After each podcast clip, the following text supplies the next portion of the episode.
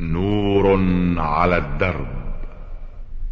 برنامج يومي يجيب فيه أصحاب الفضيلة العلماء على أسئلة المستمعين الدينية والاجتماعية. البرنامج من تقديم وتنفيذ سليمان محمد الشبانة.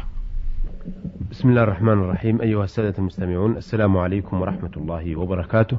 ومرحبا بكم في لقائنا هذا الذي نستضيف فيه سماحة الشيخ عبد الله بن محمد بن حميد رئيس المجلس الأعلى للقضاء. آه، مرحبا بسماحة الشيخ. مرحبا بكم. آه، سماحة الشيخ هذه رسالة وردتنا من آه، المخلص على إن شاء الله تعالى سالم راشد محمد يقول في رسالته هذه ما حكم الإسلام في المنجمين بواسطة البروج؟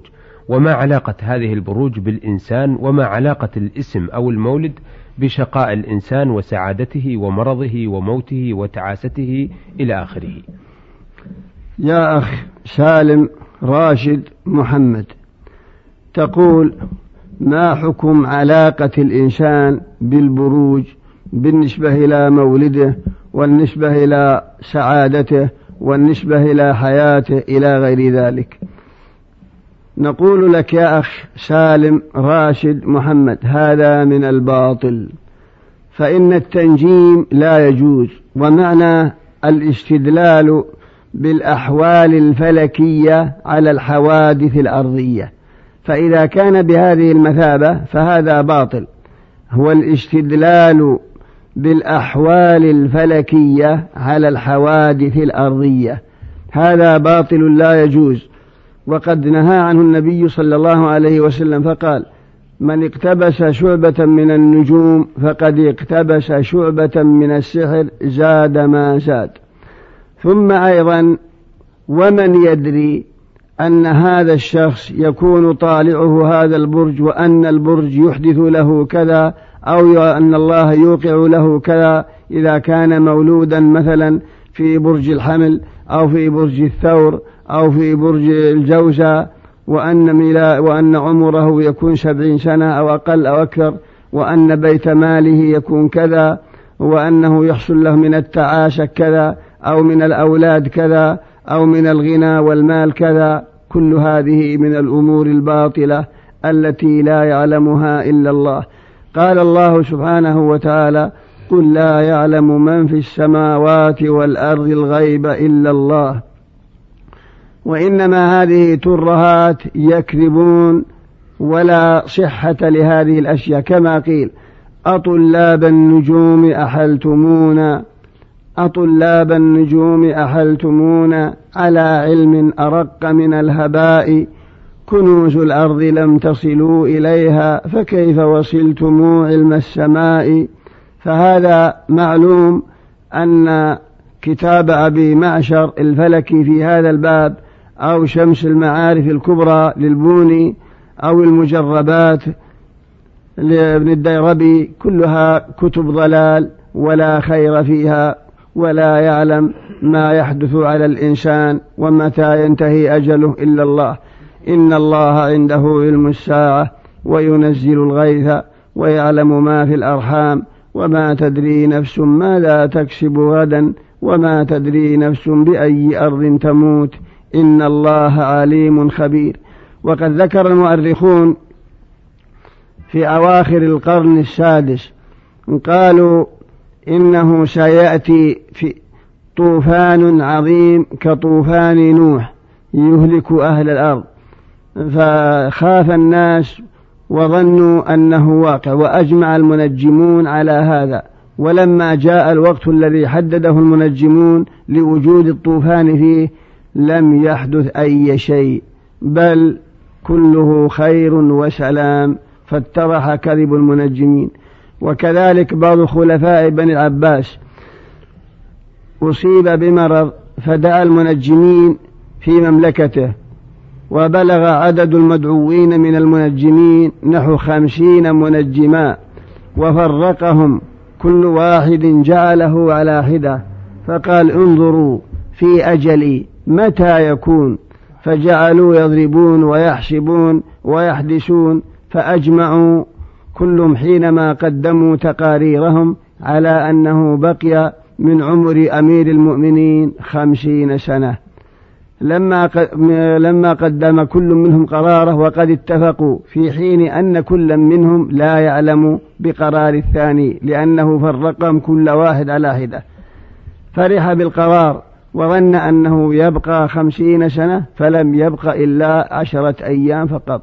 ومت ذكر هذا الحافظ ابن كثير في تاريخه وذكره غيره مما يدلك على أن التنجيم لا أصل له وأنه مجرد أوهام وخرافات لا يعلم ذلك إلا الله جل وعلا والله أعلم. أه، طيب سماحة الشيخ ما موقف طلاب العلم وموقف الدعاة من هذه الجرائد التي تنتشر ويوضع فيها الأفلاك العقرب وكذا وكذا وفيها حظوظ وفيها أشياء؟ موقفهم كما سمعت أن كلها باطلة لكن يجب على وزارة الإعلام أن تمنع من هذا وألا يدخل البلاد. حتى إن بعض الناس ربما صدق وربما ظن أن هذا صحيح. فهذا المفروض أن وزارة الإعلام تمنع دخول مثل هذه المجلات التي تباع في المكاتب وبأيدي المتجولين من الباعة وأمثالهم. آه، أحسن الله لكم. هذه آه، أو السؤال الثاني في رسالة سالم راشد محمد يقول ما معنى الآية الآتية؟ فنظر نظرة في النجوم فقال إني سقيم. والآية الآتية في أيام نحسات وفي يوم نحس مستمر والآية وبالنجم هم يهتدون. صدق الله العظيم. هذه الآيات معلوم تفسيرها معنى قوله تعالى حكاية عن إبراهيم عليه السلام فنظر نظرة في النجوم فقال إني شقيم. يقول بعض المفسرين هو, إن هو أنه لما ناظر أباه وقومه قال فلما جن عليه الليل رأى كوكبا قال هذا ربي. فلما أفل قال لا أحب الآفلين. فلما رأى القمر بازغا قال هذا ربي. فلما أفل قال لئن لم يهدني ربي لأكونن من القوم الضالين. فلما رأى الشمس بازغة قال هذا ربي هذا أكبر. فلما أفلت قال يا قوم إني بريء مما تشركون. إني وجهت وجه للذي فطر السماوات والأرض حنيفا وما أنا من المشركين. هو من باب التدريج. ليعلمهم بأن المعبود هو الله سبحانه وتعالى وأن هذه أفلاك مسخرة مخلوقة مربوبة لله جل وعلا. أما الآية الأخرى في قصة عاد إنا أرسلنا عليهم ريحا صرصرا في يوم نحس مستمر تنزع الناس كأنهم أعجاز نخل منقعر. هذا في قصة هود. لما أرسله الله إلى قومه جعل يقول لهم يا قوم اعبدوا الله ما لكم من إله غيره أفلا تتقون؟ يا قوم اعبدوا الله ما لكم من إله غيره إن أنتم لا مفترون. يا قوم لا أسألكم إلى آخره. أبوا ولم يقبلوا بل قالوا إن نقول إلا اعتراك بعض آلهتنا بسوء أي بجنون. أنت مجنون وأن ما, ما نعبده من دون الله أن أصابك بجنون. قالوا يا هود ما جئتنا ببينة؟ وما نحن بتاركي آلهتنا عن قولك؟ وما نحن لك بمؤمنين؟ إن نقول إلا اعتراك بعض آلهتنا بسوء. قال إني أشهد الله واشهدوا. أني بريء مما تشركون من دونه فكيدوني جميعا ثم لا تنظرون. إني توكلت على الله ربي وربكم ما من دابة إلا هو آخذ بناصيتها. إن ربي على صراط مستقيم. لما عتوا وطغوا وتجبروا عند ذلك أرسل الله عليهم الريح فدمرت جميع ما مرت عليه من حروثهم وزروعهم وصاروا كأعجاز نخل خاوية كما دل عليه القرآن بسبب عصيانهم لنبيهم وعدم قبولهم ما جاء به رسولهم. هذا هو معنى هذه الآيات. أما معنى قوله تعالى وعلامات وبالنجم هم يهتدون. هذا مثل قوله تعالى هو الذي جعل لكم النجوم لتهتدوا بها في ظلمات البر والبحر. أي أن علم النجوم لأجل التسيير هذا لا بأس به. فإن تعلمها للتأثير فكما قلنا سابقا أن هذا لا يجوز. وأما للتسيير بحيث تعرف جهة القبلة وتعرف أيضا جهة سيرك هذا كله لا بأس به. أو يكون في البحر في الباخرة أو في السفينة في أعماق البحار. يعرف جهة سيره بما يشاهده من النجوم بأن يجعل مثلا الجدي على كتفه الأيمن فيكون متجها إلى كذا. أو خلف أذنه اليسرى يكون متجها نحو كذا. وهذا صرح به أهل العلم في معرفة علامات القبلة. وقالوا إن علم التنجيم ينقسم إلى قسمين علم التأثير هذا هو الذي قلنا سابقا لا يجوز وهو معنى قولهم الاستدلال بالأحوال الفلكية على الحوادث الأرضية. وعلم التسيير يعني جهة القبلة وعلم جهة سيرك هل إلى الجنوب إلى الشمال إلى الشرق؟ هذا لا بأس به. ومعرفة أوقات الصلاة ومعرفة قصر الليل وطول الليل كل هذا لا بأس به. فهذا لا ليس هو من باب علم التأثير. وهذا معنى قوله تعالى وعلامات وبالنجم يهتدون. في أسفارهم وفي طرقهم إذا سلكوها في الليل يعرفون جهة سيرهم بما يشاهدونه من النجوم. آه، يقول في سؤاله الثالث ما معنى الحديث التالي الذي رواه البخاري؟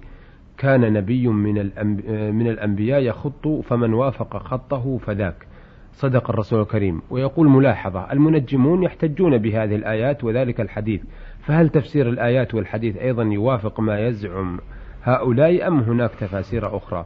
طبعا الآيات آه، فسرها سماحة الشيخ. الآيات نعم. يا أخ سالم بينا لك معناها. نعم. أما معنى الحديث أن هناك نبي يخط فمن وافق خطه هذا حديث لا بأس بمعلوم لكن لا يعلم خط هذا النبي وأصبح مجهول.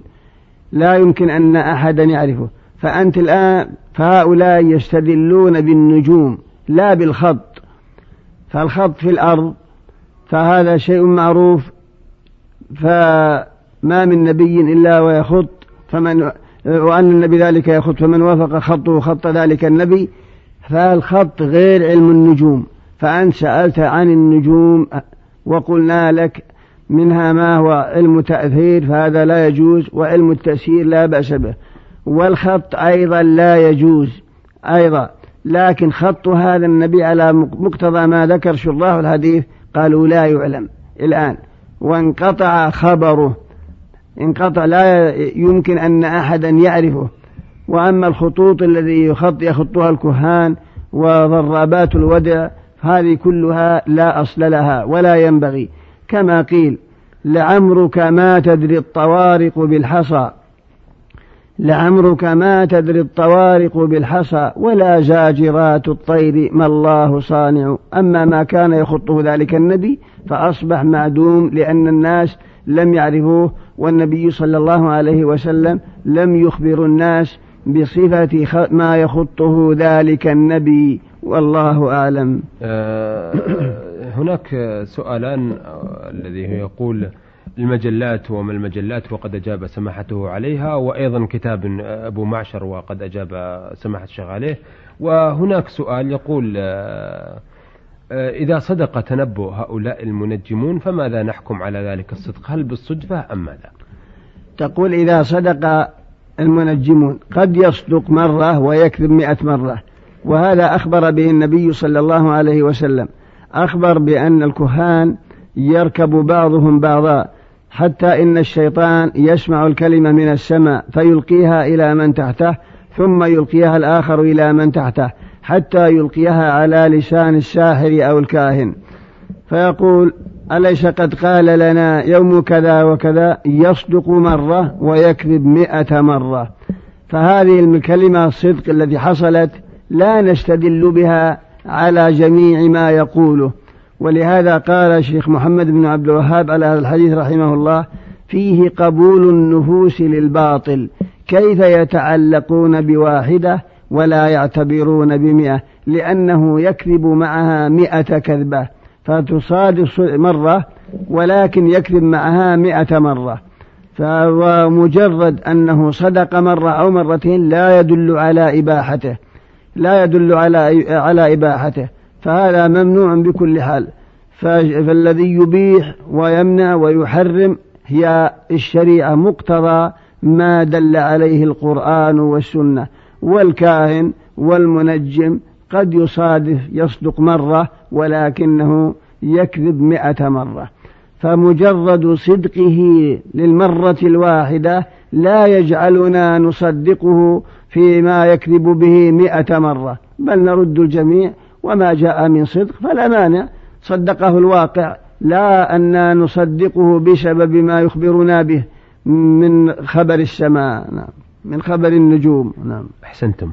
أيها السادة إلى هنا نأتي على نهاية لقائنا هذا الذي اقتصرنا فيه على رسالة سالم راشد محمد وقد أجاب عليها سماحة الشيخ عبد الله بن محمد بن حميد رئيس المجلس الأعلى للقضاء وقد أفاض فيها وأبان وجل جميع ما سأل عنه المستمع سالم من التنجيم وما في بابه. شكرا لسماحة الشيخ عبد الله وشكرا لكم أيها الأخوة وإلى لقائنا القادم. نستودعكم الله والسلام عليكم ورحمة الله وبركاته. نور على الدرب. برنامج يومي يجيب فيه أصحاب الفضيلة العلماء على أسئلة المستمعين الدينية والاجتماعية. البرنامج من تقديم وتنفيذ سليمان محمد الشبانة.